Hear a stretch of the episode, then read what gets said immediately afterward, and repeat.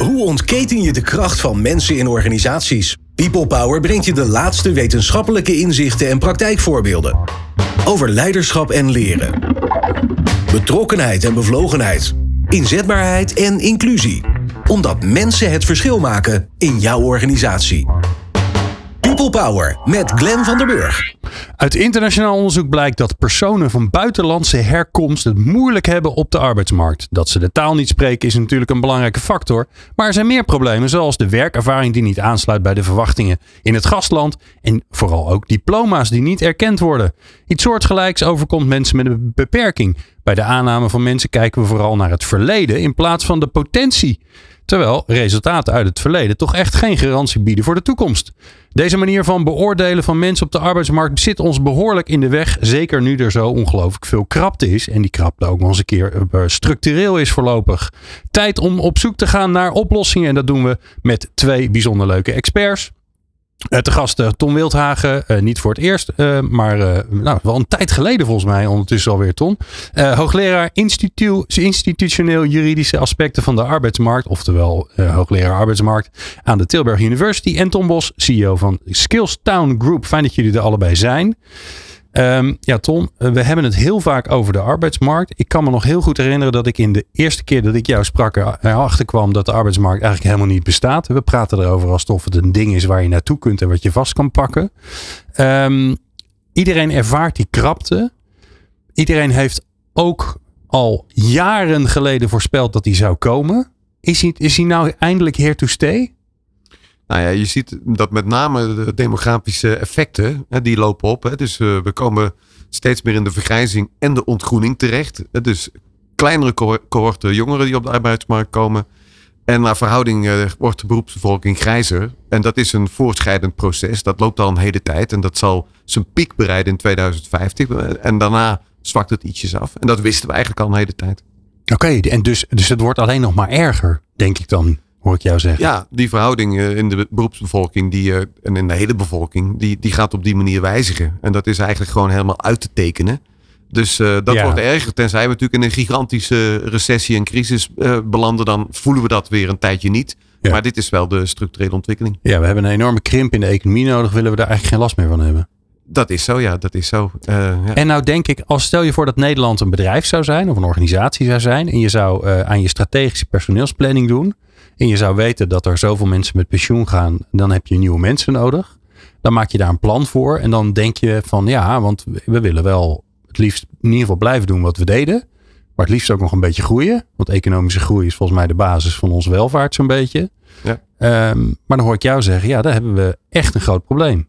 Want dat, dat groeien als in meer mensen, dat is onmogelijk.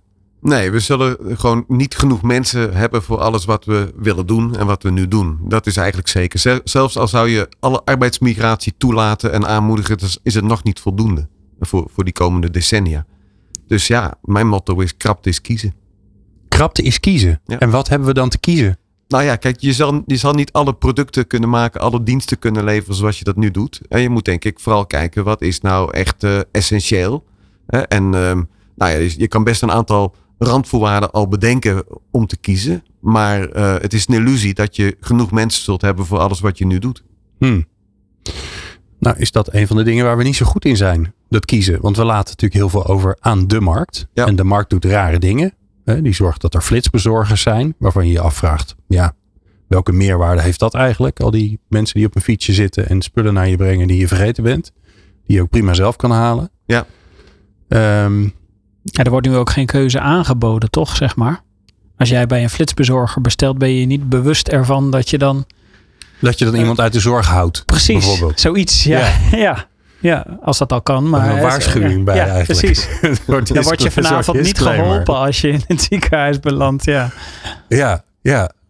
Zouden we dan een soort budget moeten hebben eigenlijk? Dat je, dat, daar wordt natuurlijk wel eens over gesproken als het over CO2 gaat dat je een soort CO2-budget zou moeten hebben. En dat je dus bij alles wat je doet en kiest en eet en consumeert, dat er iets van je budget af. Zou, misschien zou er wel een soort ja, menskrachtbudget moeten zijn of zo. Zo'n soort Earth Day, dat je dan weet wanneer je personeel op is voor dat jaar, zeg maar. Ja, niet meer- ja. ja. Ja, nou ja, het lijkt natuurlijk ook op. eh, in feite, de vergelijking met, eh, met klimaat en energie is denk ik ook heel goed te maken. Eh, daar zijn we ook eh, nou ja, een aantal jaren geleden achter gekomen dat er iets structureel aan het veranderen was.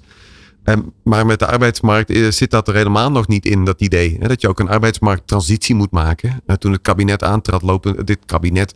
Het ging over de maatschappelijke opgave. Maar het, het, het ging niet over het aantal mensen wat er nodig is voor die opgave. De paar dagen later werd gezegd, ja, we hebben er eigenlijk wel genoeg mensen voor. Dat weten we eigenlijk niet. Ja. Dus eh, daar zit denk ik het probleem in de Maar visie. is dan.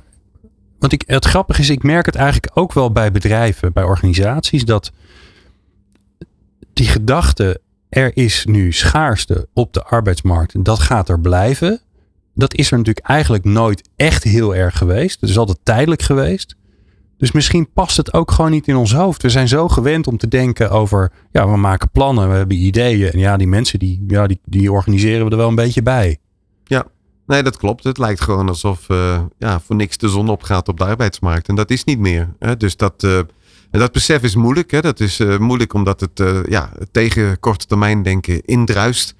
Eh, het is ook een beetje onvoorstelbaar. Maar we hebben die vergrijzing ook nog nooit zo gehad, zeg maar. Dus we hebben geen enkele voorstelling hè, wat dat straks betekent. wat de impact is. In Japan zien ze het nu eigenlijk al gebeuren. Die Zij lopen een beetje voorland. voor, hè? Ja. en die lopen dus vast ook intussen. Hè, voor en vast. Ehm, dus eh, En waar, en waar merken ze dat aan? omdat zij ook qua productie gewoon niet meer alles kunnen doen. En omdat zij dus, eh, ja, ze proberen van alles met robots en zo. Maar ze merken ook in het openbare leven dat zij gewoon bepaalde dingen niet meer kunnen waarmaken. Eh, en dat is denk ik wat wij nu ook al merken. Dus het gaat niet alleen over de arbeidsmarkt en werkgevers die zoeken. Maar het gaat ook over de ontwrichting op de maatschappij. Hè? Dus de wachtlijsten in de zorg. Of de kinderopvang nog de hele tijd open kan. Ja. Eh. Het voortgezet onderwijs. Dat gaat waarschijnlijk al 2028 een soort infarct beleven. hè. Te weinig leraren op het voortgezet onderwijs. Wat doen we dan precies? Nou ja, en dat geldt eigenlijk ook voor de energie- en klimaattransitie. Voor de woningbouw. Dus als je dat zo bij elkaar eh, kijkt, is dat een immens toekomstbeeld. Ja.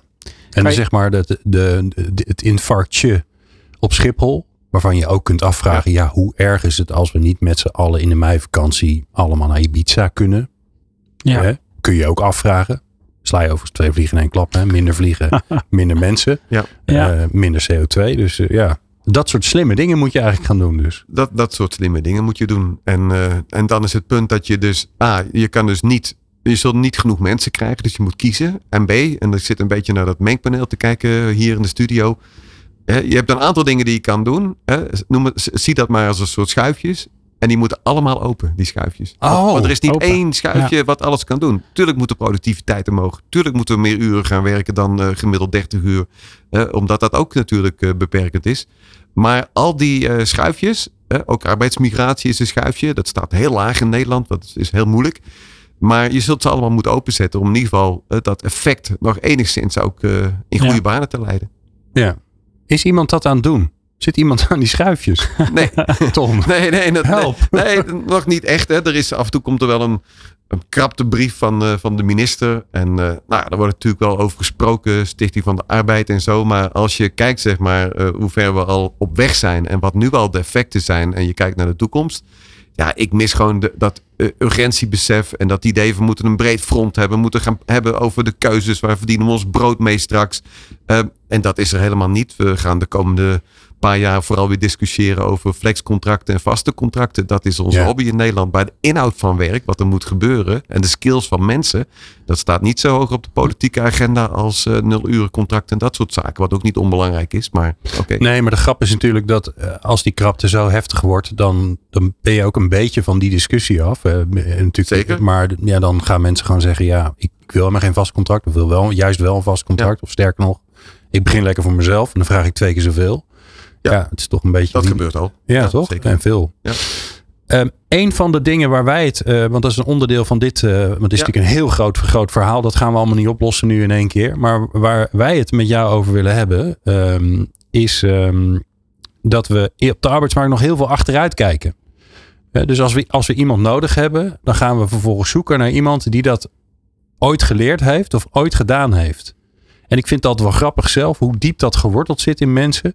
Is dat ik, ik persoonlijk krijg heel vaak de vraag van mensen. En doe ik raar werk. Hè? Ik, ja, ik sta achter zo'n microfoon met inderdaad zo'n mengpaneel. Dat mensen tegen mij zeggen: wat is dan je achtergrond? En dat vind ik altijd een ingewikkelde vraag. En wat ze eigenlijk willen weten is: wat is je opleiding? Ik ben 51, hè? Ah, ja. Dus- Maar hoe jij dit geworden bent, is dan. eh, nou, ik zeg dan altijd: ik zeg ja, waar wil je dat ik begin? ja, Dat vraag ik dan maar. Waar in mijn leven wil je dat ik. Want achtergrond is best wel diep. alles leidde hier naartoe natuurlijk. Zeker. Ja. Achteraf gezien wel, ja. Ja, ja. achteraf gezien. Ja. Nee, maar dat is natuurlijk wel maf dat we het zo gewend zijn om ja, op zoek te gaan naar mensen die iets kunnen wat we nodig hebben. Zeker, En, zeker. hoe- en dat zit ons volgens mij dwars. Ja, en, en eigenlijk is dit ook een schuifje, zeg maar. Hè? Want eh, er zijn, de mensen zijn nog niet op, dat is één. Hè? Er staan nog mensen buiten de arbeidsmarkt, maar er zijn ook mensen die dingen kunnen. Maar we weten dat niet, zeg maar. Dus dat is ook een schuifje dat omhoog moet. Oh ja. Hè? Eh, absoluut. Ehm, omdat je in feite, eh, arbeidsmarkten zoals elke markt hebben twee problemen. Transparantie en informatietekorten. Nou, en dat hebben wij dus ook wat betreft eh, de competentie, skills, vaardigheden, attitude van mensen. Dus ook in het besef van eh, de krapte eh, moet je hier ook gaan innoveren. Want die diploma's zijn natuurlijk ooit bedacht, hè? Wat, wat is het nut daarvan? Het zijn kwalificatie-eisen, maar veel werkende mensen hebben, eh, als je vroeger de LTS hebt gedaan en eh, heb je de diploma nog in een soort ordner op zolder staan, dat is helemaal vergeeld, zeg maar. Niemand kijkt er ooit naar. En, en meer weten mensen eigenlijk niet. Ja, ik deed de oude LTS. Maar wat hij aan vakman of vakvrouw al die tijd heeft gedaan en zo. En misschien was hij ook wel voorzitter de afgelopen twintig jaar van de penningmeester van de voetbalclub. Heeft hij een hele financiële Ja. administratie gevoerd. We weten het niet, zeg maar. En dat is die intransparantie, die speelt ons parten. Ja, en wat gebeurt er dan? Nou ja, dat je dus, je zoekt je nog meer suf naar mensen. En je kunt nog slechter matchen. Want je matcht heel oppervlakkig, zeg maar, op diploma's en op hele specifieke werkervaring. Dat iemand precies dat al een keertje deed wat jij zoekt. Ja, dan heb je hele slechte zoekindicatoren. Ja, en, en dus ehm, eh, versmal je je, je je zoektocht. En je, En dan krijg je dus maar een heel klein of helemaal niemand eh, die eraan voldoet. Terwijl, ja, misschien eh, is het wel je buurman. Dat ook. Maar voor de mensen zelf, zeg maar, die dat oude LTS-diploma hebben. eh, of voor mensen die hier naartoe komen, waar het in het begin over ging, eh, uit de Oekraïne. Ook daar hebben we een soort proxy, om het maar zo te noemen, die heel beperkt is. En dat is dus natuurlijk voor de mensen ook vervelend. Want als je veel meer kan, hè, maar niemand die weet het en niemand wil dat geloven en niemand die ziet het. Ja. ja dat is natuurlijk heel frustrerend. Ja, dat is de arts uit Syrië die nu eh, schoonmaakwerk doet. Ja, omdat zeker. niemand, niemand durft te zeggen, je kan het echt. Ja. Terwijl waarschijnlijk, waarschijnlijk als je diezelfde arts naast een vakgenoot zet. En die laat je met elkaar praten. Of laat je met elkaar werken. Dan ben je er redelijk snel achter. Dat zeker, dat zeker. En je kan het natuurlijk gewoon vaststellen. Inderdaad, je kan het in het werk vaststellen. Hè, maar eh, als je die inderdaad nu eh, de handeling van de koffers op Schiphol laat doen, ja, dat is gewoon natuurlijk eh, totale desinvestering van menselijk kapitaal van zo iemand. Ja. Ja. En, en valt er iets te zeggen over hoe groot dat effect is? Hè? Dat feit dat je dus eigenlijk een, dat je te veel oogkleppen op hebt in, op de arbeidsmarkt. Dat, je dus, dat er heel veel potentieel is. Heel veel, laten we maar zeggen. Redelijk wat potentieel is. Ja. Wat je niet ziet. Nou ja, kijk, we, we weten, we hebben natuurlijk schattingen van wat dan heet onbenut potentieel. hè. Dat is wat CBS definieert. Dat zijn mensen die eh, ja, buiten de arbeidsmarkt staan, hè, nog steeds. En in principe ook niet zoeken, anders zijn ze werkzoekend. En die groep is sowieso waarschijnlijk zo 1,4 miljoen, 1,5 miljoen mensen. Zo. Dat is de schatting. Eh, CBS heeft over een dikke miljoen. Eh, Borstlap heeft het ook uitgezocht toen. en die kwam op 1,4. En dat zijn mensen die ook in enige mate kunnen en willen werken. eh, maar dus onbenut zijn. En ja, dat kan je eigenlijk ook niet meer veroorloven. Menselijke wijze natuurlijk ook niet. Hè, dat je tegen mensen zegt, nou ja, het is wel heel krap, maar eh, jou zien we niet. Maar dat is ook een schuifje. Hè? Dat, dat onbenutte potentieel, eh, dat losmaken. Ja, dat is ook een van de dingen die we moeten doen. Nou ja, en dan hebben we het natuurlijk ook nog niet over mensen die eh, bepaalde skills hebben die we heel belangrijk vinden, maar die we niet weten. Hè? En dan zijn die mensen nu ingezet op andere skills die we dan toevallig wel weten of een diploma. Maar in een krappe arbeidsmarkt is de allocatie waar mensen het meest productief en relevant zijn, dat is cruciaal. Ja. Nou zeg ik maar even heel flauw. En jij zit al heel lang in het vak. Dit is niet van vandaag. Dit weten we al een tijdje. Sterker nog, jij hebt al aardig wat dingen gedaan in jouw leven om te kijken of je er wat Ja. aan kon, kon doen. Ja. Maar word je daar ondertussen niet helemaal gek van? Dat je denkt, jongens, wat gaat dat langzaam zeg. Nou ja, kijk, voor mij is dat toch een beetje hetzelfde als met uh, energie en klimaat, zeg maar. Hè? Dat dat kaarsje van de aarde toch niet oneindig ging branden. Uh, dat uh, wisten we ook wel. En eigenlijk al vanaf 1950 met de Club van Rome. Ja, met dit is dat eigenlijk ook zo'n beetje het punt. Hè? Dat de bomen tot, tot de hemel groeien, dat wordt op de arbeidsmarkt gewoon aangenomen. En het is niet vanzelfsprekend. Maar je zit dan ook met het punt, hè, als je hier met de af, afgelopen ministers over spreekt. Ja, eh, die hebben vier jaar. Jaar één is warming up en jaar vier is verkiezingsjaar, zeg maar. Dus die zeggen ook wel van ja, weet je, moet ik dat nou in die twee jaar in feite? maar in feite, ja, dit gaat om lange termijn visie en beleid. En dat moet je natuurlijk ook door kabinetten heen zien te voltrekken en vast te houden. Dus het heeft ook wel iets ongemakkelijks. Hè, omdat op het moment dat je straks vastloopt en dat we in één keer blijkt dat, dat je je kind nog maar drie dagen naar school kan brengen op het VWO dat denken wij van dat moet hier toch niet kunnen in Nederland. Ja, maar dat is wel waar je op afsteekt. Daar gaan we wel op af. Als je niks doet. Ja, als je niks doet. Of sterker nog, uh, als je alle schuifjes openzet, dan kom je een beetje, ja. een beetje in de buurt. Maar dan nog gaan we er waarschijnlijk last van hebben. Ja, en het andere punt met die schuifjes, uh, jij staat er nu in je eentje achter, maar er is ook niet één partij die al die schuifjes open kan zetten. Dus niet één schuifje is voldoende. Er is ook niet één technicus die alle schuifjes kan bedienen. Dus dat moet je echt met z'n allen doen. Ja. Tom, jij bent hier naar aan het luisteren. Jij, ja. uh, jij bent uh, uh, los van het feit dat je je natuurlijk elke dag ongelooflijk veel met leren bezighoudt. Wat natuurlijk een potentieel sleuteltje is. En een schuif is die, die ja. je hierin zou kunnen inzetten. Maar je ja. bent, jij bent ook werk, werkgever. Ja. Wat merk jij er zelf van? Ja, um, wij merken die hoge druk natuurlijk nu al. Um, al heel lang trouwens. Uh, wij hebben veel IT'ers in dienst. We hebben veel uh, experts op het gebied van online leren. We hebben ja, best moeilijk te vinden beroepen. Marketeers. Dat is allemaal best lastig om, uh, om mensen te vinden daarvoor. Nou heb ik een beetje de mazzel dat ik dus bij een heel groot opleidingshuis natuurlijk zit. Waar we mensen kunnen opleiden om dingen te kunnen die ze nog niet konden. Oké, en, en, je, en die, dat beeld is er dus bij jullie ook?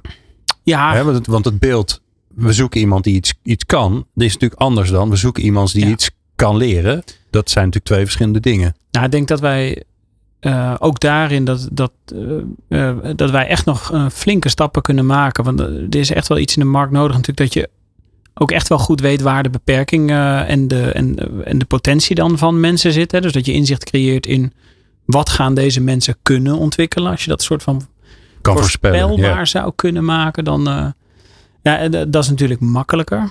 En uh, ja, aan de andere kant denk ik ook, daar hebben we het met um, Diederik Gommers over gehad toen hij hier in deze, in deze uitzending was, dat we ook, ook wij onze taken wat kleiner moeten maken. Omdat ik denk dat als jij werft op, nou laten we zeggen online marketeer, dat het best lastig is om mensen te vinden. maar op het moment dat je zegt van, ja, ik zoek iemand die ehm, e-mailmarketeer kan worden, dan is dat alweer een stukje uh, verder ingekaderd, ja. zeg maar. Kun je mensen wat makkelijker voor opleiden. En de, Gommers die gaf natuurlijk als voorbeeld van hè, de, je hoeft op de IC niet alles te kunnen. Als je een uh, beademingsmachine kan aansluiten, dan ben je inzetbaar. Dat kan ja. je dan heel vaak doen. Nou, met name met wat Maar dat hebben ze natuurlijk in de, in de coronaperiode geleerd. Toen konden ze natuurlijk ook niet. Precies. Er heel veel druk. Precies. Ja, maar dat geldt ook voor IT. Hè. Wij zoeken programmeurs. Maar programmeurs is best een breed begrip je zegt ik zoek iemand die uh, een heel specifieke set met taken heeft. Uh, dan zijn die lastig te vinden. Maar het is wel veel makkelijker te ontwikkelen als ze het nog niet hebben. En ze hebben wel de aanleg natuurlijk. Ja, ja, ja en als je zijn zegt ze heel van, snel inzetbaar. Ja, ja en je, wat volgens mij dan ook wel handig is en nodig is, is dat je een soort trapjes maakt. Uh, als, je ja. maar een, als je maar een ja. inpunt hebt, als Precies. mensen helemaal binnen zijn. Ja. Maar dan ben ik wel benieuwd hoe, hoe jij dat ziet, Ton. Dat is interessant, hè? Ton en Tom. Dus wordt ja. totaal verwarrend voor de luisteraar. Kijk naar het oogcontact. Daarom, ja. ja, maar daar heeft de luisteraar, heeft de luisteraar niet zoveel aan. Het over Ton Wildhagen. Ja. Um, ben ik wel benieuwd naar. Als mensen eenmaal binnen zijn, dan heb je volgens mij een andere situatie dan voordat ze binnen zijn. Want dan ken je die persoon, dan ja. zie je die persoon, dan, dan voel je wat die, wat die, wat die, hoe snel die leert en hoe leergerig iemand die is. En dan denk je, hé, hey, maar wacht even. Nou, als ik zie wat ik in mijn leven aan kansen heb gekregen, omdat ik gewoon ergens was. En mensen zeiden, joh, nee, maar dan moet je dit, kan jij dit voor me gaan doen? Ik dacht, oh, daar heb ik nog nooit over nagedacht. Natuurlijk. ja. kijk, de informatie neemt dan enorm toe. Hè? Dus je, je ziet mensen aan het werk, mensen vertellen iets en zo. Dus vooraf in een, in een traditionele uh, ja, sollicitatie- en recruitment fase is dat niet. Want je hebt heel weinig informatie. Dus, um, dus het is positief als je mensen hebt. En we hebben natuurlijk ook ervaring nu met open hiring. Hè, waar eigenlijk wordt gezegd, ja, laat maar zien of je, wat je kan. Begin maar. ja, begin maar. En dan ja. zien we het wel, zeg maar. Dat maar leg die nog even uit, hè? want ja. jij, voor jou is het gesneden koek. Ja. Open hiring, hoe werkt het? Eigenlijk is het uh, in, in Nederland, het komt uit Amerika. Dus uh, Greystone Bakery, bakkerij in New York, die dat uh, deden. En die kwamen naar Nederland, zijn ook bij ons geweest op de universiteit. En, nou, en die hebben dat geholpen in Nederland te introduceren. In Nederland werkt het zo dat je als bedrijf zet je gewoon open hiring vacature uit. En er is gewoon een, een lijst met mensen die zich opgeven van ik vind dat interessant. Nou, nummer één van de lijst die komt en die gaat gewoon aan het werk. En als dat uh, bevalt, en natuurlijk eh, ga je mensen ook ondersteunen, ook met hun coach. Hè, maar als dat bevalt, nou, dan, uh, ja, dan, dan blijft hij dat werk doen. En dan is er dus helemaal niks over cv's en, en al die zaken niet. Nee. Ah ja. Ja, dus je zegt gewoon, goh, wil je bij ons bakker worden? Bijvoorbeeld. Ja. Of, ja. of deegmaker, of nou, ik noem maar een, een een klus die er Ja, in de logistiek is het ook uh, veel Brabantse bedrijven in de logistiek uh, zijn dat ook gaan doen, open hiring. Okay. Maar ook gewoon uh, Albert Heijn in Zeeland die zo'n vacature heeft opengesteld voor cashier of wat dan ook. Oh ja. ja. En, hoe, en wat, ze dan, wat zijn hun ervaringen daarmee? Want als je ziet wat voor, wat voor werk er allemaal gedaan wordt om maar de juiste persoon tussen aanhalingstekens, de beste tussen aanhalingstekens, om die maar te krijgen. Daar wordt heel veel tijd en energie in gestopt. En selectieprocedures en weet ik wat allemaal. Zeker. En, dabbelen hoepeltjes springen. En dan wordt er in dit geval open hiring gedaan. En dan neem je dus gewoon wie het eerst komt, wie, wie het eerst maalt. Ja. En als die, die aan. Ja, en als die het uh, inderdaad gewoon goed kan doen. Kijk, nou is het natuurlijk, je kan het niet overal doen. Net ging het over de IC, daar moet je dat denk ik niet uh, doen. Uh, of even te kijken of je bepaalde operatie, of je dat kan. Ja. maar aan de andere kant, er is ook heel veel werk, ook in deze tijd, waar dat wel relevant voor kan en voor is. En ja, het is ook heel fair dat je gewoon mensen een kans geeft. Uh, veel mensen kunnen ook helemaal niet een cv schrijven of zo. We hebben een of ander gat in de cv. en nou, dan kom je er al helemaal niet door. Maar als je het werk kan doen en, uh, nou ja, en je gedraagt je netjes. In New York worden mensen gewoon ook uh, thuis opgehaald als ze niet zelf kunnen komen. En dan zeggen ze, nou oké, okay, je had problemen, maar wij hebben ook een probleem. We hebben te weinig mensen, dus kom je wel ophalen s ochtends. Oh ja. Dus ja, het zijn in ieder geval, het, het gaat dan als je dat doet, dan uh, spreekt het voor zich wat mensen kunnen. En dan kunnen mensen laten zien wat ze doen. Maar dat we van mensen ook in het algemeen meer uh, willen weten in positieve zin, dat is denk ik het andere punt. En, um, ja, ja, jij noemde dat heel mooi. Um, voordat iemand gaat beginnen, heb je, heb je te weinig informatie. En op het moment dat iemand begint, dan ga je, want je vind ik wel mooi hoe, hoe je dat eigenlijk uh, ja. Ja, uh, ontleedt. Dan, dan heb je veel meer informatie, omdat je iemand ziet en je maakt iemand mee. Je merkt hoe iemand in de omgang is. Zeker. Dus eigenlijk moet je, ja, moet je dat, is dat een van de problemen die je op te lossen hebt. En nou ja, daar zijn we natuurlijk mee begonnen. Diploma, en, uh, datgene waar we ons dan maar aan vasthielden, dat werkt niet. Dat zit ons in de weg. Nee. Ja. Maar wat dan wel? Ja, in feite, en dat gaat ook niet heel snel, hè, maar het antwoord is eigenlijk heel simpel. Je moet toen naar één skillstaal waarin, je, waarin bedrijven hun aanbod formuleren, wat veel dieper is dan uh, ik moet een, uh, weet ik wat voor programmeur. Uh, als we zorgen dat mensen hun skills ook kunnen articuleren via die taal, met skillspaspoorten. En als het onderwijs ook het aanbod aanbiedt op skillsniveau, en niet alleen maar op hele opleidingen, ja, dan heb je een heel andere arbeidsmarkt. En dat is ook de bedoeling. Hè, daar proberen we in Nederland ook naartoe te werken. De Belgen, de Vlamingen zijn daar al verder in en die helpen ons mee. Beetje een soort ontwikkelingswerk doen ja. hier. Het is wel fijn dat we hulp krijgen. Ja, ja. ook. Ja, dus competent NL moet het worden. Um, en um, alleen, ja, het gaat langzaam. En ik zie ook weer heel veel bedrijven en, en sectoren verzinnen dan weer zelf iets. En dat vind ik op zich, dat snap ik wel. Maar aan de andere kant, als nou iedereen weer een skills dialect gaat ontwerpen. Ja, en dat gaat niet communiceren. Dan gaan we dus niet naar die uh, skills gedreven economie. Waarvan ook het World Economic Forum zegt, dat is de toekomst. Maar dan moet, moet er wel een soort uh, zelfde taal gaan spreken op dat punt. En uh, nou ja, de UWV werkt daaraan en zo. En elk jaar wordt gezegd, nou dit jaar dan toch niet, volgend jaar. Maar dat is eigenlijk gewoon de oplossing. Hè? Dat we, zie het maar als een soort uh, Esperanto. En dan zeggen mensen tegen mij dat is uh, dood. Maar ik noem het het Transperanto. Oh, ja. Wat we dan gaan spreken. Ja, ja mooi. Ja. Ja, maar dat is dus wel interessant. Hè? Dus uh, um, één taal um, die gaat over wat, wat kun je eigenlijk of wat zou je moeten kunnen. Hè? Want dat, daar Ja. gaat het natuurlijk ook over. Ja. Hoe, hoe, ga jij, hoe gaan jullie daarom mee om, eh, Tom Bos? Ik doe de achternaam maar mee Ja. bij voor iedereen. Is dit al iets waar jullie mee bezig zijn? Dat je zegt van, nou ja, Ja. Hè, want uiteindelijk ehm, heb ik jou al heel vaak horen vertellen. Leren moet je eigenlijk in kleine stukjes doen. Dan moet je snel een soort eh, reward Ja. voor krijgen. Hè, alsof je aan het gamen bent. Eh. Dit is dat toch? Ja, dat je zeker. zegt, ja, je hebt nu level 1 van skill. ABC gehaald. Ja er, zijn, ja, er zijn twee kanten van deze medaille. Eén is wat, wat Ton zegt natuurlijk. Je moet een soort van eh, eh, taal creëren waarin je met elkaar communiceert hierover. Nou, daar zijn we een heel eind mee. En eh, ja, wat ons betreft kunnen we daar heel snel mee, mee ook het land in, zeg maar. Gewoon om alle opleidingen ja, op een manier aan te bieden dat ze gestructureerd zijn rondom skills. Nou ja, wij bieden natuurlijk vooral online diensten aan. Ja, dat is heel modulair opgebouwd. Dus je, je, je kan eigenlijk al in bouwsteentjes eh, gewoon direct aan een skill werken. Maar ja, dat, hè, dat, dat is wel een belangrijke stap, die switch die we maken van competenties naar skills. Dat, dat maakt het wel een stuk concreter wat je, wat je moet ontwikkelen. Ja, maar ik kan me heel goed voorstellen dat als je als luisteraar die hele, dat hele skills verhaal nog niet eerder hebt gehoord. Dan denk je, ja, skill, dat is toch een Ja. Engelse term voor een competentie. Ja, Wat is het verschil? Ja, kijk, de skill is eigenlijk de vaardigheidscomponent van een competentie. Dus competentie is kennis, vaardigheden en attitude. En ehm, kijk, het mooie is, kennis kan je altijd verversen, maar je hebt de skills nodig om die kennis te kunnen toepassen. En Ja. de attitude natuurlijk om ook te kunnen switchen naar ander werk en andere taken. Dus competenties kan je het ook over hebben, hè, maar skills-component zijn- is, is eigenlijk in het Nederlands gewoon de vaardigheden. Ja. En, ehm, nou ja, en die ontwikkelen mensen. En da- daarom is natuurlijk dat diploma is statisch. Dat is één keer afgegeven ooit. Maar als je die vaardigheden, als je dat gewoon steeds in kaart brengt, dat is veel dynamischer. Ja, maar mijn ideaal is ook voor de luisteraar. Is, ik heb het ooit een ontwerp gemaakt. Ik noemde dat I Learn. En dan ehm, de, de, de L tussen haakjes. Dan lees je ook I Earn. Het gaat ook over ik verdien. Maar dat je eigenlijk een systeem zou hebben wat je ook gewoon kan aanzetten, zeg maar. Dus je zendt dat uit via je mobiele telefoon. Dan loop ik hier Mediapark. En dan blijk ik in één keer, jij zoekt iemand hier, een Ah. assistent.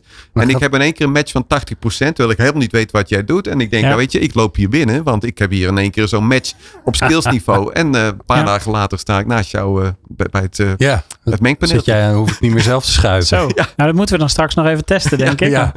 Wij hebben hier ook wel eens een experiment mee gedaan, zeg maar, met, eh, met de vergelijk tussen, ehm, tussen opleidingen, zeg maar, wat je ontwikkelt in een opleiding, wat er in een vacature staat en wat er in iemands cv staat. En met name tussen vacature en cv viel ons, eh, vielen ons best wel veel beroepsgroepen op eigenlijk die overlap hadden in een soort van de kern van de skills die nodig waren, die je niet noodzakelijk met elkaar zou, eh, zou vergelijken. Dus mensen die eigenlijk heel snel konden omscholen naar de logistiek. Terwijl ze nu gewoon in het zakenleven werkten, zeg maar. Omdat ze gewoon de Ja. juiste set met onderliggende skills hadden. En ja, Maar daar kom je dus pas achter als je van alle, hoe zijn het er ondertussen, 18 miljoen mensen in Nederland? Van Ja. alle 18 miljoen mensen, nou oké, jouw zoontje hoeven, van vier hoeven we misschien, nou ja, Ja. waarom niet? Hè? Die begint Ja. nu aan school, dus die is eigenlijk nu aan het bouwen aan zijn eerste ja. skills. Dus Ja. die Je zou al- eigenlijk nu je kan moeten het al beginnen. uitreiken, hè? dat skillspaspoort kan je al op die die Niveau leeftijd één. uit- Ja, gefeliciteerd. Ja. ja, precies. Nee, maar je, je zult dus een enorme eh, inhaalslag moeten doen. eh, waarbij, want het, het klinkt heel behapbaar en eenvoudig nee, maar er is in de basis. Maar dan krijg je natuurlijk heel snel vragen als, hè, stel je voor, ik ga het voor mezelf invullen. Dan denk ik, nou, ehm, ik kan, eh, ik kan een, eh, een studio bedienen als dat een skill is. Stel je voor dat dat een skill is. Dat kan ik. Ja. En dan zegt iemand anders, ja, dat zeg je zelf. Maar is dat ook wel zo? Dus dan moet iemand anders, een leermeester of zo, Ja. een docent vroeger, maar misschien een leermeester, die moet dan checken, kan die dat wel echt? Dus gaan we dan met eh, blockchain-achtige manieren mensen laten verifiëren van nee, ik denk dat hij dat wel kan. Ja, nou ja, kijk, het moet natuurlijk betrouwbaar zijn. Dat, hè, dat, daar heb je helemaal gelijk in. Eh, afgelopen eh, vijf jaar hebben we in Eindhoven gewerkt eh, als Passport for Work met eh, een aantal miljoenen subsidie uit Europa om skillspaspoorten te maken die betrouwbaar zijn. En in hoge mate gaat dat via een soort neurogames waar het net al over ging. Dus die, die, eh, dat die betrouwbaarheid die moet vaststaan, zeg maar. Je wilt ook niet mensen in een soort driedaags assessment gooien. Dat gaan heel veel mensen ook helemaal niet doen. Nee. Maar in dat skillspaspoort, wat dan denk ik nu een beta-versie is waarmee gewerkt kan worden, eh, ja, kan je ook mensen situaties voorleggen. Wat zou je in deze situatie doen en hoe zou je dat aanpakken? Dus dat is eigenlijk allemaal eh, te doen. Dus dat kan eigenlijk ook gewoon via een app, zeg maar. Dus dan kunnen mensen dat zelf doen en de resultaten die zijn dan ook betrouwbaar. Je kan mensen er ook bij helpen. Zonder dat er een, een, zeg maar een de- tweede of derde persoon in, in, beginsel, in beginsel kan dat, ja. Zeker. Dus, ehm, nou ja, kijk, en er moet ook nog een heel nieuw type arbeidsbureau in Nederland uitgevonden worden. We willen naar weer één loket toe en zo. Dus je zou ook dat natuurlijk kunnen aanbieden als service. Hè, Als mensen zeggen, oké, ik eh, wil ook mee in dat systeem, maar eh, help eens even hoe dat moet. Ja. Ehm, dus het is te doen. Hè. Nu moeten we dat ja, op een of andere manier gaan implementeren. En eh, ja, dat gaat gewoon langzaam. Maar ja, ik, ik heb ooit een, eh, een, een competence card gemaakt voor toen de eerste Syrische vluchtelingen kwamen. En eh, dat was heel mooi, omdat er zaten mensen bij die zeggen: Ja, wij deden thuis zaken met eh hebben staalfabriek en met, met, met jullie hoogovens. Maar er was ook een mevrouw, we hielpen hen dus ook skills in kaart brengen. En, die, en de tolk zei, die mevrouw wil niet meedoen. Zij hoeft ook niet, maar waarom? Ja, die eh, was schapenhoeder in Syrië, dus die, die verwacht niet dat er iets was. Dus wij gingen dat doen. Nou, organiseren, de zaak bij elkaar houden, eh, dingen, Ja, eh, die ja, ja. hele voedsel. En die mevrouw leefde helemaal op. Die zegt, ja, ik, ik ben dus iemand. Ja, ja, jij hebt gewoon skills, zeg maar. Nou, en op het moment dat je op die competence kaart dat in kaart brengt... en ze kan er ook mee naar een werkgever toe... Eh, nou ja, dan heeft ze meer kansen op de arbeidsmarkt. En de werkgever heeft weer meer te kiezen.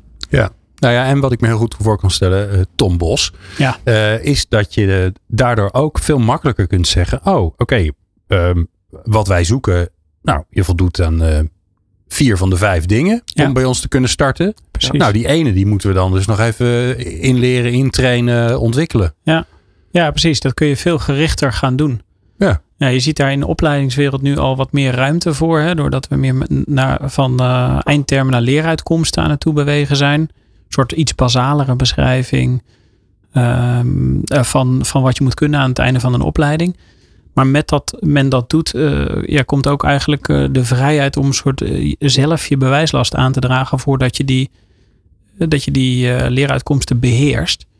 En dat maakt dus dat je veel flexibeler kan zijn. Sommige dingen heb ik in, ergens in de praktijk geleerd. Sommige dingen die, eh, ja, die kan ik uit het verleden vanuit mijn opleiding. En sommige Ja. dingen die ga ik nu bijleren. Dus voor dat laatste stukje verzamel ik bewijslast door mezelf te ontwikkelen. Ja. En dan kan je bijvoorbeeld je PABO een stuk eh, eh, efficiënter doorlopen, zeg maar. Hè? Want het is niet gek dat er nog steeds een soort van eindkwalificatie ergens zit van... hey, oké, geschikt om voor de groep te staan. Geschikt om operaties uit te voeren of zoiets. Hè? Dat kan me voorstellen dat je dat wel een vinkje achter wil hebben van, Ja. van iemand die je dat toevertrouwt. Maar ja, dan is de weg er naartoe. Hè? We, we hadden eerder al die EVC-procedures natuurlijk Ja. voor vrijstellingen van opleidingen.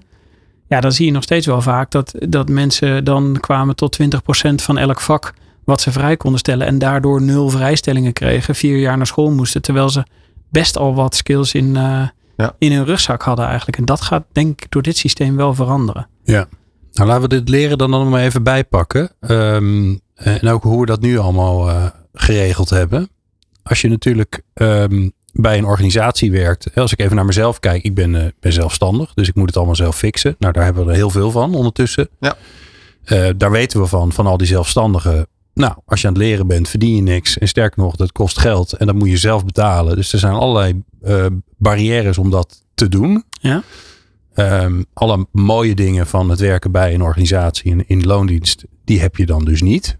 Eh, maar zelfs daarvoor geldt natuurlijk eh, dat we weten dat binnen organisaties toch eh, relatief weinig gebruik gemaakt wordt van bijvoorbeeld budgetten die er eh, eh, gegeven worden om jezelf bij te spijkeren, om om te scholen of wat dan ook. Behalve als het heel erg nodig is. Sterker nog, als je over, over compleet wordt verklaard of zo, dan, dan gebeurt het uiteindelijk. Ja. Dus ehm, wat is er daarvoor nodig? Wat, wat, wat is dat voor schuifje waar, eh, waar we een zet aan moeten geven? Ja, ja dat is eh, eigenlijk ook weer niks minder dan een hele cultuurverandering. Zo noemde Mariette Hamer het ook to- toen ze nog eh SER-voorzitter was. Eh, het gaat toch over een hele andere leercultuur. Ehm, het heet natuurlijk ook al, het heeft in Nederland heel veel namen gehad. Hè. Begonnen met eh, employability, jaren 90. En toen gingen we een nieuwe term bedenken. We deden niet veel meer, maar we, we veranderden de term in duurzaam inzetbaarheid. Toen zeiden we, ja, inzetbaarheid klinkt een beetje Duits, moeten we niet hebben. Dus eh, nou, toen werd het leven lang eh, leren. en toen werd het ja. leven lang ontwikkelen. Dat is het nu. Maar we hebben er heel weinig werk van gemaakt. Maar dat is natuurlijk wel wat het is. En ik denk dat de, de, de, de grond daarin is tweeledig. Als mens zijn je, eh, je, je competenties, zeg maar, die zijn de bron voor jouw eigen individuele welvaart. Gezamenlijk, hè, met de hele beroepsbevolking, is dat gewoon de basis voor onze brede welvaart als land. Dus eigenlijk is er weinig wat zo belangrijk is. Maar als je kijkt wat we nu aan systemen hebben. Hè, je hebt het over bijvoorbeeld met ZZP'ers. Ja, als daar de houding is, zoek het zelf uit, weet je wel. Je verdient dat en eh, je krijgt ook nog een stukje fiscale subsidie. Maar we hebben wel 60 miljard gestoken in de coronatijd om mensen aan het werk te houden. Hè? Maar we steken ja, bijna niks, zeg maar, hè, in dat upgraden, updaten van de beroepsbevolking. En, en dat is denk ik, eh, dat is geen goede ontwikkeling. Nou, we hebben het, st- het stapbudget hebben we toch? Ja. Tom? Dat is een kleine stap. eh, Ja, stapje budget is Ja. het. Ja, het was een grote stap voor de minister, een kleine stap voor de mensheid, denk ik. Tot nu toe. Ja. Ja. Kunnen we ondertussen eh, concluderen dat het niet echt helemaal gelukt is met het stapbudget? Of vinden we dat te vroeg? Nou, er moet nog wat bijgesteld worden. Laten we het voorzichtig zeggen. Ja, even simpel. Hè? Eh, Als je niet weet wat het Ja. is, kan me bijna niet voorstellen als je in dit vak zit. Maar je, het kan. Je kan dui- eh, d- d- er worden zeg maar een soort porties losgelaten van het budget. Dan kan je dan op eh, uur U gaat eh, de boel open. En dan zit iedereen achter zijn computer klaar om te klikken. En dan kun je maximaal 1000 euro kan je een, eh, een cursus eh, of een opleiding uitzoeken. Ehm, en dan maakt het eigenlijk niet zo uit wat je doet. nee, het- dus eh, we, gaan heel erg uit van de, de intelligentie van ieder mens om een juiste keus te maken. Wat op zich een, een positief mensbeeld is. ja, maar de vraag is of het bijdraagt aan het werk wat er gedaan moet worden straks als we veel te weinig mensen hebben. Ja, het is een vervanging voor de, voor de belastingaftrek die je eerst had natuurlijk. Hè, waar je studiekosten kon opvoeren en daar dan een belastingvoordeel uithaalde, zeg maar. Nou, het is een mooie beweging dat ze gezegd hebben, we halen dat naar voren. Zodat mensen die eigenlijk geen geld hebben om hun opleiding te financieren, nu ja, dat voorgefinancierd wordt. Hè, want anders moest je het, eh, kreeg je het pas volgend jaar bij de belasting eh, teruggave, kreeg je het terug. Dus dat is een, dat is een hele goede stap, denk ik. Maar ja, ondertussen zien we dat, eh, dat wat er dan nu uitgekeerd wordt veel minder is dan wat er toen uitgekeerd werd aan, eh, aan aftrek, zeg maar. Nou ja, hoe, de oorzaak daarvan zou ik niet precies weten, maar het lijkt een soort van bezuiniging daardoor, zeg maar. Dat is natuurlijk onhandig van zo'n regeling. En ja, met name de, de mensen die je wilt bereiken, mensen die de zorg ingaan bijvoorbeeld en eh, ook gewoon eh, praktisch opgeleide, die, die eh, zich kunnen ontwikkelen en door, doorgroeien, zeg maar, die lijken nog niet goed bereikt te worden. Maar Tom, Ja. misschien, misschien vraag je het jezelf ook af hoor. Maar als we weten dat we ehm, veel mensen tekort gaan krijgen. Als we weten dat die op, op bepaalde plekken eh, die belangrijk zijn voor onze maatschappij. De zorg, het onderwijs, eh, politie. eh, nou, al dat soort. Maar bijvoorbeeld ook programmeurs. Hè, die hebben we gewoon heel Ja. hard nodig. Omdat die een heel belangrijk onderdeel van onze maatschappij zijn.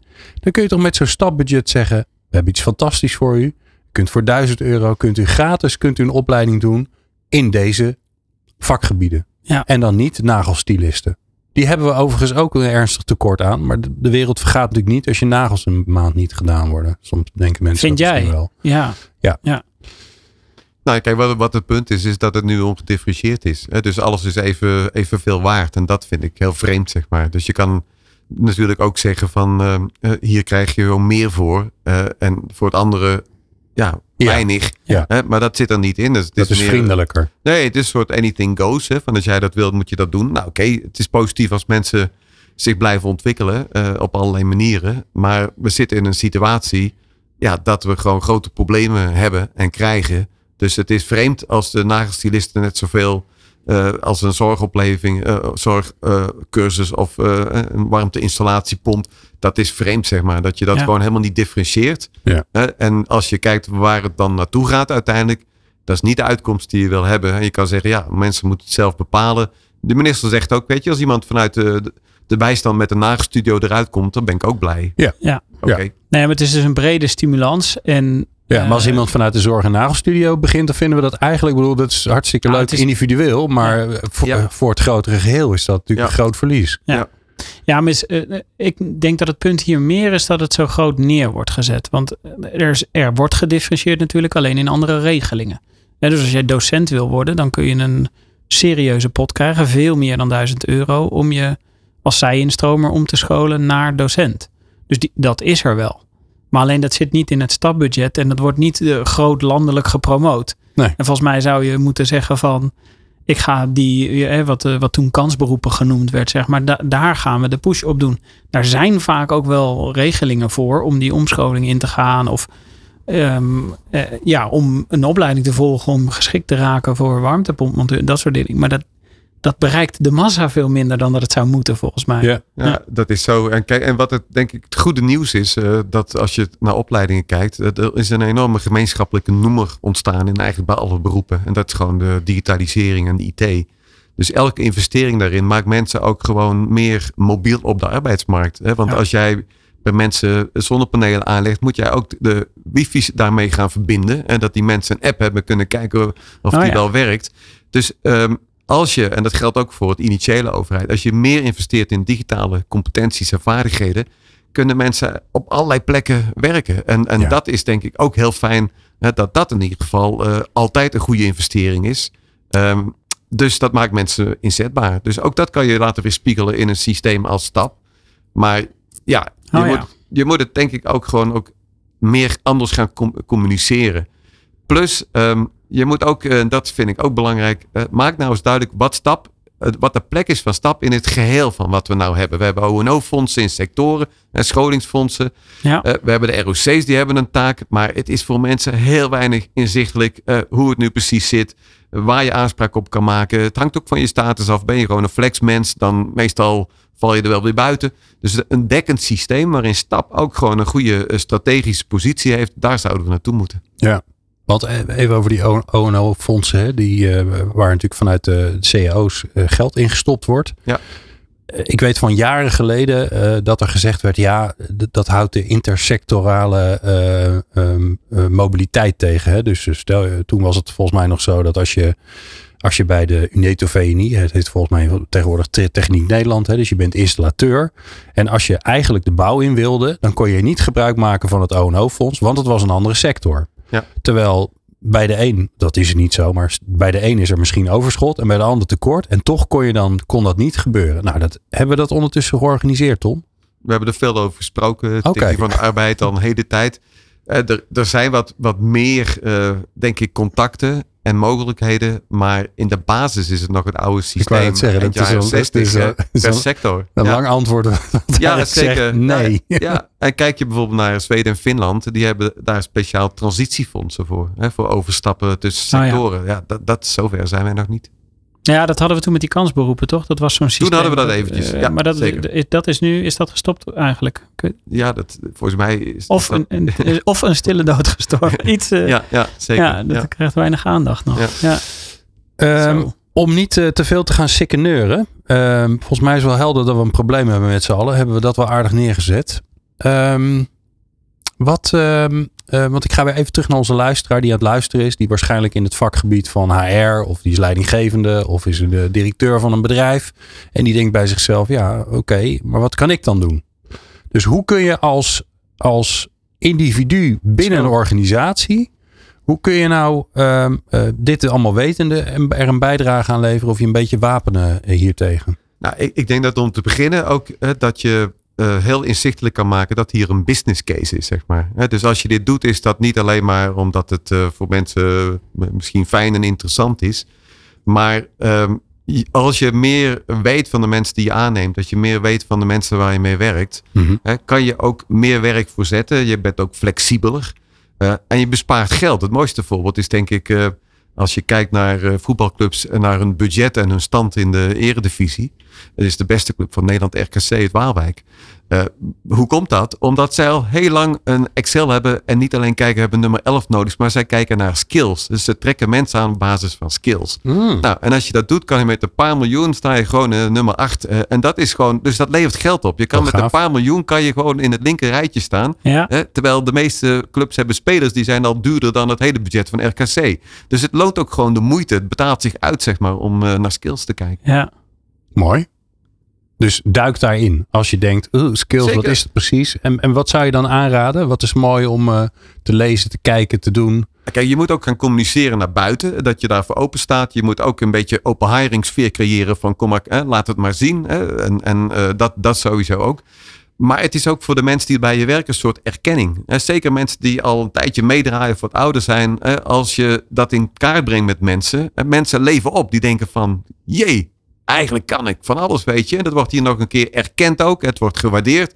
Dus je krijgt een heel positief klimaat als je dat doet. En ik kan me ook voorstellen dat als je zeg maar op het kaartje van oké, als deze skills die passen allemaal bij een eh, meester in de hutsfluts. Ja. En je denkt, "Ah, ik moet nog twee stickers. Ja. Dat werkt toch ook gewoon? Ja. Ja, dat is toch gewoon wat er bij gamen altijd werkt. Als je zo'n vakje ziet en er zijn nog twee lege plekjes, denk je, ja, Ja. die moet ik wel vullen, jongens. Zeker, ja. Ja, we hebben bijvoorbeeld een, we hebben een traject voor logistiek medewerkers. En dat doen we volledig online.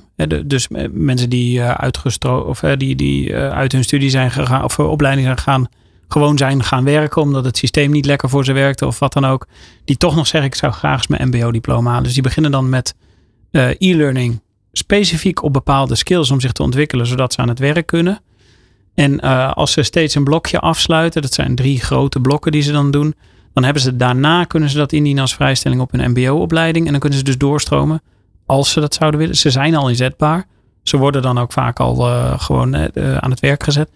Maar dan kunnen ze dus daarna zouden ze een MBO-opleiding kunnen doen, ook nog hun diploma halen en nog weer een stap verder zetten als ze dat zouden willen. En dat is een voorbeeld, denk ik, van het gewoon wat kleiner maken. En we geven dus die mensen ook dat inzicht van, hè, wist je dat je nu op x procent van jouw MBO-opleiding bent? Ja, je moet je inschrijven, maar je, je zet wel stappen. En je ziet met name ook bij de praktisch opgeleide of de praktisch niet opgeleide, eh, waar je ook ergens zit dan, dat het eh, dat laat veel potentie zien. Eigenlijk net zoals jouw voorbeeld, Ton, eh, van die dame uit, eh, uit Syrië, die eigenlijk niet ziet welke skills zou. Maar als je dat wel, als je iemand daar wel mee confronteert, motiveert dat heel erg om te zeggen: hey, oké, ik ga een stap verder, eh, eh, ga ik nog zetten. Nou, ik moet je heel eerlijk zeggen, ehm, eh, ik zou het zelf ook interessant vinden om te weten van, ja, wat, bedoel, ik heb wel een idee wat ik allemaal kan, maar het is Ja. natuurlijk totaal on- niet inzichtelijk. Bij jou toch ook niet, Tom? Concertgitarist of zo. Of, eh, Nou ja, Ja. dat zo goed speel ik geen gitaar. Zeker niet. eh, ik Hoe weet je dat nou? In mijn vinger heb gesneden. maar eh, nee, maar Ja. dat, is, dat is natuurlijk wel, dat is natuurlijk gewoon interessant om te weten. En het, het maffe is, daar ben ik nog wel benieuwd naar. Waarom is er nog geen commerciële partij ingesprongen? Waarom heeft LinkedIn niet gezegd, wij gaan, wij gaan dat gewoon fixen? We hebben toch al die mensen in Nederland zitten er toch al in. Zij doen al wel zoiets. Hè? Dus zij- LinkedIn heeft ook wel een soort systeem. Ja. Hè? Dus dat, eh, dat, dat, ja. Maar eigenlijk moet je gewoon eh, in feite de systemen wat, wat de Belgen gebruiken, die zijn gebaseerd op ONET, Amerikaans internationaal systeem. ja, Dus je moet eigenlijk gewoon zorgen dat je wel dezelfde, wat er is. hè, Ja. dezelfde, eh, ja. eh wie beheert dat dan bij die Belgen? Dat is gewoon de, eh, in, in eh, Vlaanderen is dat de VDAB, dus eigenlijk het, eh, ja, het- UWV, zeg maar. Hè, maar ja. dan ook met een opleidingshuis Maar erbij die doen al Ja. een beetje. Wij, wij, wij hebben de UWV is bij ons vooral associatie met eh, verzekeringen als je uitkering moet. Ja. Hè, maar eh, VDAB, die ja. hebben dat daar gedaan. En in België is het eigenlijk ook nog zo dat je, als je vacature tekst plaatst, dan gaat die ook eerst naar het arbeidsbureau. En zij kunnen dat ook die, die vacature nog vertalen naar skills als het Ja. nodig is. Dus dat, maar dat vinden wij weer een te veel eh, bemoeizucht waarschijnlijk. Maar Ja, maar überhaupt, hoe gaaf toch als je, Glenn, als je nou een mailtje krijgt van UWV of van LinkedIn of waar dan ook vandaan met eh, bekijk nu welke banen jij in één stap kan zetten of Ja. zoiets. En dat je eh, van nou, eh, deze acht beroepen zijn met, eh, laten we zeggen, maximaal 50 uur opleiding bereikbaar voor Ja, jou. super. Of zo, dat is toch Ja. vet. Nee, maar dat is natuurlijk de grap. Dat je, maar ja, dat bedoelde je, dat hele verhaal heb, ik- heb ik in de duurzaamheid ook al eens een keer afgestoken. In Ja. ons hoofd zijn dingen gewoon vaak veel ingewikkelder. Als, Precies. zeker als ze op een langere termijn liggen. Ook als je gaat denken over het verduurzamen van je huis. Denk je, jeetje, wat een gedoe allemaal zeg. Ja. Terwijl als- als je weet, in mijn voorbeeld toevallig, dat het bij ons redelijk goed geregeld was. Dat had ik niet verwacht. Oh ja, Dan denk je ineens, oh oké, het wordt ineens overzichtelijk. En dat is natuurlijk ja, met jezelf ontwikkelen ook. Ja, als je inderdaad te, te zien krijgt, hey, deze acht beroepen die liggen eigenlijk onder handbereik. ja. Ehm, eh, en daar moet je nog dit en dit voor doen. En dan denk je, nou, vijf van die acht vind ik niks aan. Maar die andere drie, jeetje, Ja. dat had ik nooit verwacht. Ja. Grappig. Het, het is wel zo natuurlijk dat het echt voor de werkgever gaat het wel veel vragen van eh, vertrouwen geven eigenlijk. Zoals Ton net al zei, van eh, kom het eens een keer laten zien of ga het eens proberen. Dus in de instroom eigenlijk dat dat er heel anders uit gaat komen te zien. Ja, en ook dat je gewoon veel meer vertrouwen erin durft te hebben dat als iemand skill A en B beheerst, dat die C, D en E ook wel gaat bij kunnen leren. En dat je dus dan gewoon een start gaat maken. Ja. dat is best een dingetje, denk Maar ik. weet je, aan de andere kant laten we wel zijn. Dat is eigenlijk toch nu al bij iedereen zo. Je neemt iemand aan en dan denk je toch, oh. Dat is zo, maar je hebt ook eh, beroepen, functies waar niet een opleiding voor is. Noem maar een minister.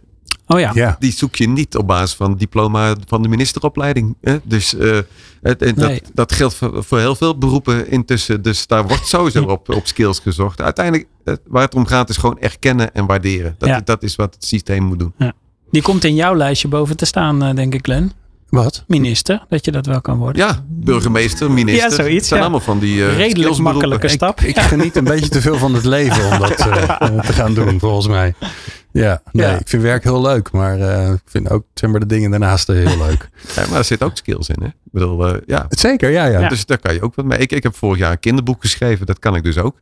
Zo. Cool. Ja, over Ja. ro- ro- eh, robots en eh, kunstmatige intelligentie. Omdat ik vind dat de jongeren daar zoveel mogelijk over moeten zien te weten. Hoe heet Ja. het boek, Tom? Het heet Roosbot. En het gaat over een meisje dat eh, baalt hoe, hoe de wereld ervoor staat.